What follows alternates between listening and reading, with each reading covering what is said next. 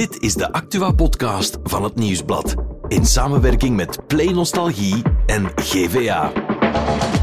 Het is maandag 22 januari en Ron DeSantis stapt uit de race voor de Amerikaanse presidentsverkiezingen. I am today suspending my campaign. Er zijn opnieuw meer studenten verpleegkunde en plannen voor de boerentoren in Antwerpen, die moeten hertekend worden.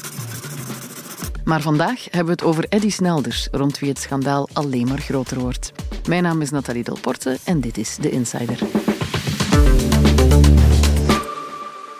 Wat begon als exhibitionisme aan het raam in zijn kantoor is ondertussen uitgegroeid tot voyeurisme, waarvan de totale omvang nog niet helemaal duidelijk is.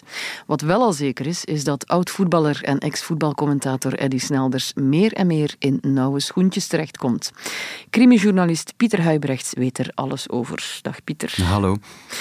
Eerst nog even de feiten op een rij. De eerste berichten die gingen over exhibitionisme. Ja, de eerste berichten die ons bereikten was de start van een, eh, een eh, onderzoek in Antwerpen uh, naar feiten van exhibitionisme. Het was een buurvrouw die uh, Eddie Snelders meermaals betrapte terwijl hij zich bevredigde in de kantoren van zijn bureel in, in Braschaat. Zij sprak hem daarop aan.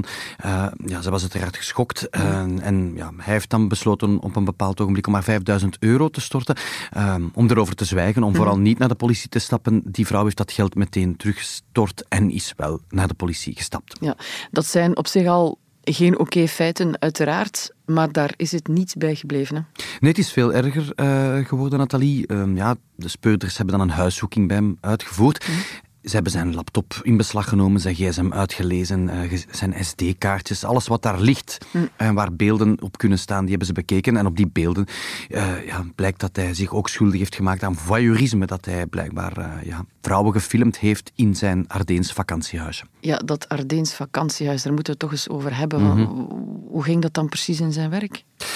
Wel ja, ik heb daar ook wel onderzoek uh, naar gedaan, uh, uiteraard de voorbije weken. Nu, je moet weten, die snelst woont in een villa in Braschaat, maar gaat zoals zoveel uh, Vlamingen af en toe naar de Ardennen, heeft daar een, een, vakantiehuis, een mooi vakantiehuis. En blijkbaar was het zo dat iedereen uit die entourage, familie, vrienden, de, de kennissenkring van zijn vrouw, maar ook de, de, de, vrienden, de vriendinnen van zijn stiefdochter, ja, die konden daar een weekendje weg. Mm -hmm. hè? En, en Eddie Snelders was degene die zei van, kijk, ik zal de handdoeken regelen, ik zal de, de chauffage al in gang zetten die deed de praktische romslomp en iedereen ging daar graag. Het was gewoon een leuk vakantiehuis in de Ardennen.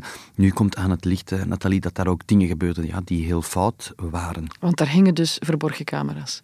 Ja, het onderzoek heeft aan het licht gebracht. Hè, dus bij het uitlezen van zijn computer en van zijn uh, dragers, USB-sticks en dergelijke, kwam aan het licht dat hij daar blijkbaar heimelijk jarenlang uh, iedereen filmde in de badkamer. Dus mm -hmm. iedereen die een weekendje heeft gespendeerd in zijn vakantiehuis, ja, die is daar gefilmd met een spycamera. Ja, jarenlang zeg je. Over uh, mm -hmm. hoeveel mensen gaat dat dan? Hoeveel potentiële slachtoffers heeft hij zo gefilmd? Dat is een goede vraag. Hè. Voorlopig staat de teller op een, op een twintigtal. Mm -hmm. weten, uh, Nathalie, de, de, speurders zijn die beelden aan het analyseren. Hè. Daar, daar, staan heel veel vrouwen op, daar staan ook mannen op. Uh, en wie zijn die mensen? Ja, dat zijn mensen uit de entourage van Eddie Snellers. Daar staan familieleden op, daar staan vriendinnen op van ja, de toen minderjarige stiefdochter. Um, daar is discussie over hoe oud uh, waren die mensen op dat moment. Ja, het is ook moeilijk omdat bepaalde lichaamsdelen zijn gefilmd. Hè. Je, hebt, veel naaktbeelden, maar er is niet altijd een gezicht op te plakken. Dus ja, ze zijn dat nu in kaart aan het brengen. Maar voorlopig heb ik mij laten vertellen, uh, ja, gaat het om een twintigtal personen die in dat vakantiehuis zijn gefilmd. En ik zou ervan uitgaan dat mensen zich ook vanzelf melden. Ja, dat is de verwachting. Hè. Um, als ik zou gefilmd zijn in dat vakantiehuis, zou ik mij, denk ik, vandaag melden bij het Antwerpse gerecht, mijn burgerlijke partij stellen en zeggen van kijk, ik wil weten of ik ook op die beelden sta. Want mm -hmm. dat vakantiehuis, um, hij verhuurde dat niet aan, aan ja, mensen die hij niet kent. Het zijn allemaal mensen die hij op een of andere manier kent, die gelinkt zijn aan familieleden. Ja, en die gaan nu wel, denk ik, na het lezen van de krant uh, denken van, tja, staan wij op die beelden? Uh, als die kans bestaat, daar wil ik wel een antwoord op, want je weet nooit wat er met die beelden gebeurt. Ja. En die camera's die hingen alleen in het vakantiehuis? Wel, in eerste instantie dachten we van wel, uh, dat er, uh, ja, ze hebben twee spy-camera's gevonden in dat vakantiehuis. Um, nu blijkt ook dat er nog een derde camera hing, dat hij ook ja, stiekem in zijn villa in Braschaat -hmm. filmde. Dat thuis, dat is thuis gewoon? Ja, dat impliceert dus, Nathalie, dat hij thuis filmde, dat hij zijn eigen vrouw filmde, maar ook zijn stiefdochter, hè, die ook al jarenlang bij hem inwoonde, die destijds minderjarig was, nu meerderjarig. Dus ja, Het gaat om drie spycameras die in beslag zijn genomen. Dat is heftig. Nu, exhibitionisme en voyeurisme, is dat iets dat vaker samen wordt gezien? Wel, ehm, in de regel komt dat niet samen voor, want zijn, je hebt twee tegenovergestelde doelen, zeg maar, als exhibitionist of als voyeur. Als exhibitionist wil je dat je gezien wordt. Hè. Je, je bevredigt jezelf, zoals in het geval van Snelders, ja, voor het raam. Je, je, je kikt er ergens op, blijkbaar, dat de buren kunnen meekijken. Maar ze kunnen wegkijken. Ze kunnen gelukkig wegkijken, maar je, je kikt van dat... Ja, je kan mij eventueel zien, ik kan eventueel betrapt worden. Terwijl voyeurisme ja, het diametraal tegenovergestelde is. Je, je doet iets heimelijk, je doet iets stiekem. En je hoopt dat je niet ontmaskerd wordt. Daarom ga je stiekem die spycamera's installeren. Om dan nadien ja, daar iets mee te doen met die beelden. Ik denk dat uh, veel mensen die hem een beetje kennen, zeker professioneel hier op de redactie ook, Mhm. toch wel even schrokken van dat nieuws. Want ja, Eddie Snelders als mens, die was altijd vriendelijk tegen iedereen, komt ook goed voor de dag. Hoe zou jij hem omschrijven, Pieter? Ja, als ik bij collega's op de sportredactie hoor en ook, ook mensen uit mijn vriendenkring die hem, die hem kennen, El Simpatico. Super joviaal, super gul, super vriendelijk. Hij had een heel goed imago. Hij kwam op de radio, werkte voor ons hier als liniecoach, eh, presenteerde op tv, stond gekend als een, een bevlogen analist met een onberispelijke reputatie. Hij is ook gul, want je zei het daarnet al, zijn vakantiehuis in de Ardennen, daar mochten vrienden met alle plezier gaan logeren. Dat krijgt wel een wrange smaak nu, hè? Ja, nu, nu krijgt dat een, een ongelooflijke dimensie. Hè. Je denkt van, ah, tja, zo leuk dat we in het vakantiehuis van Eddie Snelders mochten logeren en we moesten zo weinig betalen en alles was goed geregeld. Ja, nu blijkt dat er wel een dubbele agenda was die, ja, laat ons het maar benoemen, die gewoon schokkend en, en, en fout is. Mhm. En hoe reageert zijn omgeving? Ja, het is heel, heel verwarrend. Hè. Ik heb de advocaten van de stiefdochter eh, aan de lijn gehad. En, en je moet weten, eh, Nathalie, die, die stiefdochter is ook net mama geworden. Dus die, zit op een, die zou op een roze wolk moeten zitten. Dan komt er een soort tsunami. Eerst ja, binnen die familie, want die familie is daar natuurlijk al een tijdje van op de hoogte. En hij heeft dat allemaal moeten opbiechten. Hij heeft dat ook tijdens zijn verhoor moeten toegeven. Ja, en dan weet je, op een bepaald moment ja, gaat de deksel van de pot en gaat dat ook out in the open komen. Eddie Sneller is een bekend figuur. Er is een lopend onderzoek, er zijn veel slachtoffers. Ja, dat is super, super heftig. Ik, ik laat mij vertellen dat het eh, heel heftig is voor die, voor die familie. En ehm, je moet weten, toen de feiten van exhibitionisme aan het licht kwamen, was er nog ergens openlijk die steun Ja. van, eh van, van Bedemeijer, de, de, de vrouw van. Al heb ik mij ook al intussen laten vertellen dat dat wat uit zijn context is gerukt, dat er vrijwel meteen dat de koffers zijn gepakt en dat er gezegd is van kijk, ja, we gaan hier een oplossing moeten zoeken voor ons huwelijk. Ik wil niets meer met jou te maken hebben. Ja. als dan die feiten van voyeurisme daar nog eens bij komen, dan is het eh, boeken toe en dan is het een, ja, een drama. Ja. Dus eh, misschien even schetsen. Bede Meijer, ooit nog bordjesdraaier bij Walter Capio. Mhm. Haar dochter is de stiefdochter van Snelders. Ja, Ja. klopt. En als het eh, goed is, ik heb ergens gelezen dat ze hem ja, als tweede vader beschouwden, want ze kennen elkaar wel heel lang. Ja, je moet weten dat zij jarenlang bij hem inwoonden. hè. Ehm, zij gingen ook samen naar dat Ardeens vakantiehuis. Dus ja, dus zij beschouwden hem als zijn tweede papa. En ja, voor haar is dat natuurlijk ja, onwaarschijnlijk Schokken, schokkend. Je moet weten, dat is al weken geweten intern dat dat voyeurisme daarbij zit. Dan komt dat in de krant. Ja, dan moet je daar ook nog eens mee, mee leven. Dus voor die stiefdochter is dat eh, ja, En eh, dat is al jaren bezig en waarschijnlijk was ze minderjarig toen het begon. Ja, daar zal de discussie waarschijnlijk in de rechtbank over gaan. Maar zij zegt heel stellig van ja, ik, ik ben gefilmd door hem terwijl ik nog minderjarig was. En nu, Pieter, wacht Eddie Snelders thuis zelf het onderzoek af? Ja, ja, hij kan niets anders dan zijn lot momenteel ondergaan. Hij is, hij is op non-actief gezet door VRT, eh, Play Sports. Hij, hij werkt ook al heel lang niet meer voor onze kant. Hij komt niet meer op de radio, dus het is, het is eh, in stilte wachten eh, wat er komt. Hij heeft het niet meer in eigen hand. Hè. Dat onderzoek loopt. De verwachting is dat er wel wat mensen gaan geïdentificeerd worden op die beelden. Die zullen zich dan allicht ook burgerlijke partij tegen hem stellen. En dan ja, komt er een dag dat hij zal doorverwezen worden, denk ik, naar de correctionele rechtbank. En dan zal hij terecht moeten staan wegens eh, ja, exhibitionisme en voyeurisme, wat denk ik wel gênant is om Ja. ja. eh, daar als eh, gewezen bekende figuur op zo'n proces te moeten opduiken. Ja. En dan zijn de camera's op hem gericht. Alleen zal hij dat dan wel doorhebben, natuurlijk. Nu, wat riskeert hij?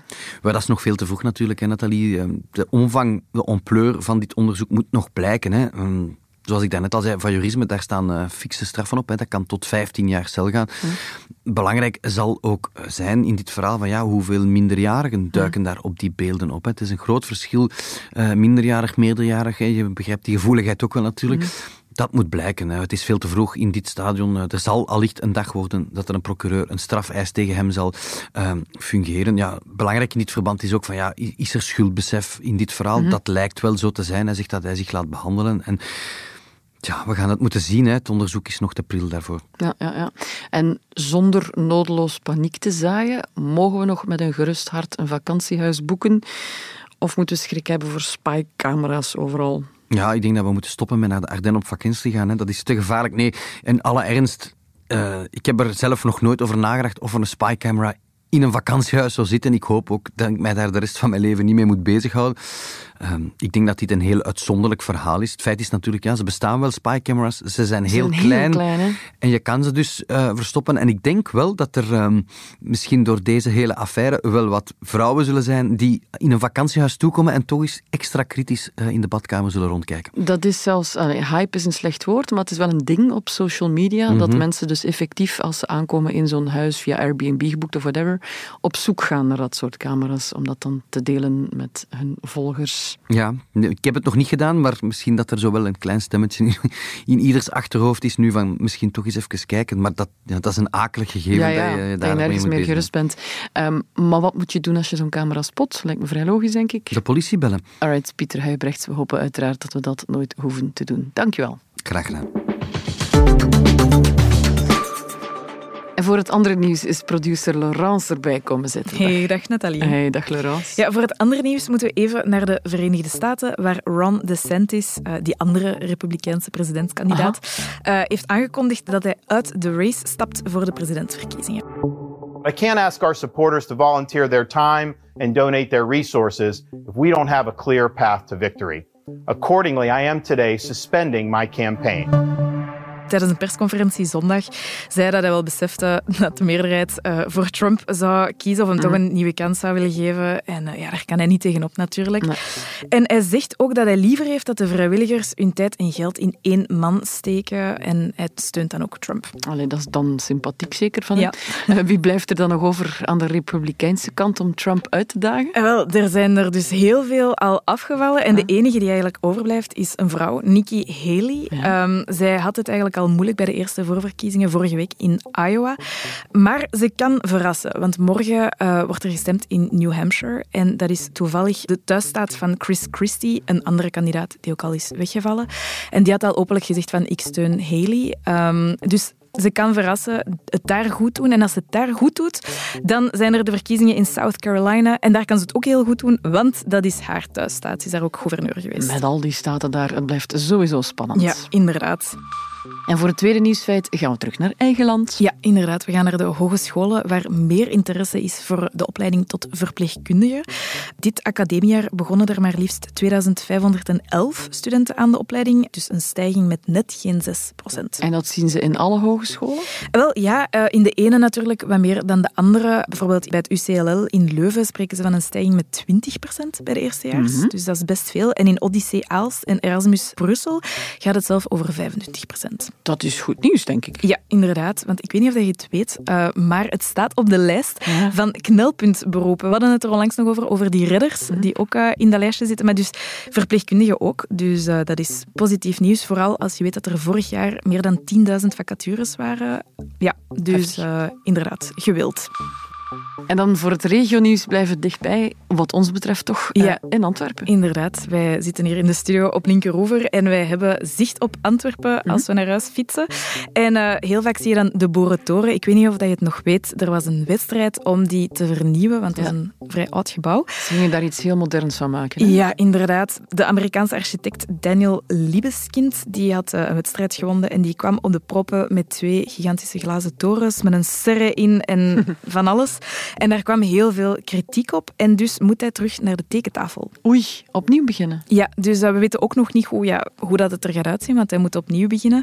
Maar de eigenaar van de toren, Fernand Huts, die gaf wel aan dat er uh, nu wel, of toch rekening zal worden gehouden met het erfgoed. Dus dat er niet zomaar van alles opkomt. Wat we wel ook weten is dat de blok van boven met KBC op, dat die wel uh, verdwijnt. En dat er ook een nieuw panoramaplatform komt. Met penthouses die je dan kan kopen? Eh, wel, nee. De bedoeling is dat het een soort van ja, filantropisch project wordt um, voor de gemeenschap. Ja. Dus het is niet de bedoeling dat je daar zomaar uh, iets kan kopen. Allee, oké okay dan. Dankjewel, Laurence. Graag gedaan. Morgen zijn we er opnieuw met een nieuwe Insider.